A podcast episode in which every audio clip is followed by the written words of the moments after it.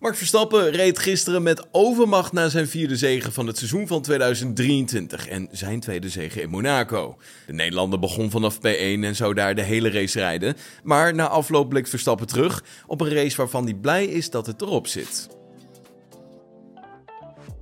Verstappen moet in gesprek met Viaplay toch wel toegeven dat hij dankzij de omstandigheden richting het einde van de race toch wel blij was dat het erop zat. Ik was uiteindelijk wel blij dat het voorbij was. Het was heel hectisch. Ten eerste omdat we niet zo lang op die mediums wilden rijden, maar we moesten wel. De regen kwam eraan en Fernando reed op de harde banden. We moesten wachten op de regen of dat hij naar binnen kwam. Het was wel moeilijk om die pace te managen. Er trad wat graining op, maar op een gegeven moment kon ik daar doorheen rijden en werden ze weer wat schoner. De snelheid was toen wel redelijk oké, dubbel zoveel ronden gereden op die band als dat we wilden doen. Hij liep dankzij deze zege 25 punten uit op Perez, die zelfs twee keer op een ronde werd gezet en geen punten zag scoren. Maar Verstappen interesseert dat echter helemaal niet zoveel. Ben daar niet zo mee bezig. Elk weekend moet je proberen uit te lopen. Lopen niet alle weekenden perfect, maar we moeten elk weekend punten pakken over het algemeen. Zo zegt Verstappen tegenover Viaplay.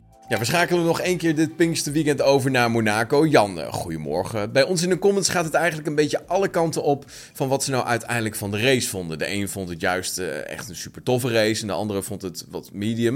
Hoe heb jij hem vanuit het paddock ervaren? Hey, ja, goedemorgen.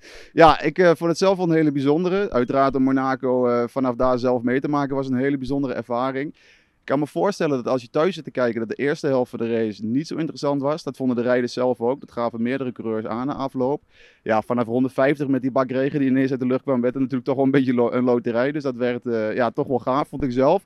Wat ook heel bijzonder was, vond ik, is dat toen ik uit het, uh, als ik uit het mediacenter keek, dan keek ik uit op de ene laatste bocht. Als ik dan op de schermen keek, dan zag ik ze aan de andere kant van het circuit echt uh, tot kniehoog water op de full. Een Belgisch buitje leek het haast. Maar ik vond het heel tof en ook zeker een leuke race. Ja, op dat punt gingen veel teams eigenlijk nat. Uh, sorry voor de, de woordgrap. Maar was dat dat uh, de ene koos voor de mediums en de andere voor de hards en de andere voor de inters? Laat maar zeggen, was dat, zag je ook iedereen als een kip zonder kop dan rondrennen daar? Ja, het was natuurlijk een beetje een loterij, hè? want um, ja, wat ik net ook al zei, het ene deel van de baan was droog en het andere deel was nat.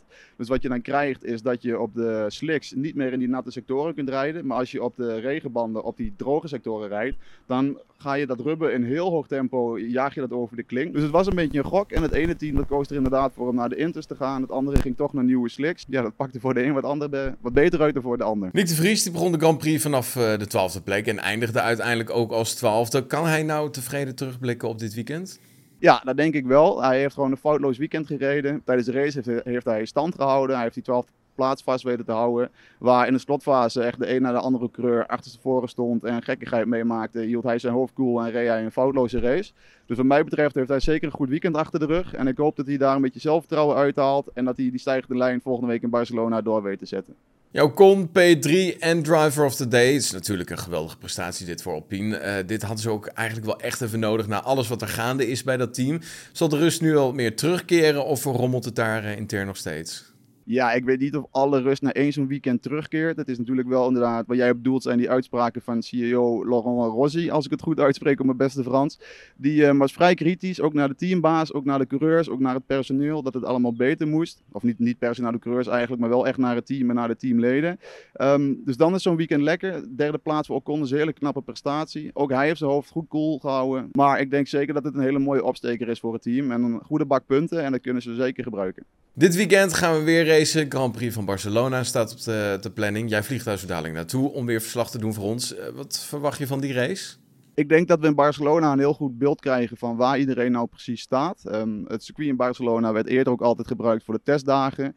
Dat komt omdat ze daar lange rechte stukken hebben, hoge snelheidsbochten, maar ook uh, medium en langzame bochten. Dus alle aspecten van de auto die worden daar aan de tand gevoeld. En daarom krijg je een heel goed idee van welke auto nou precies waar staat. Maar bijvoorbeeld ook van wat die updates van Mercedes nou precies doen en wat de pickorde in het middenveld is. Want dat zit allemaal bovenop elkaar. Dus ik denk dat Barcelona een heel interessant weekend wordt.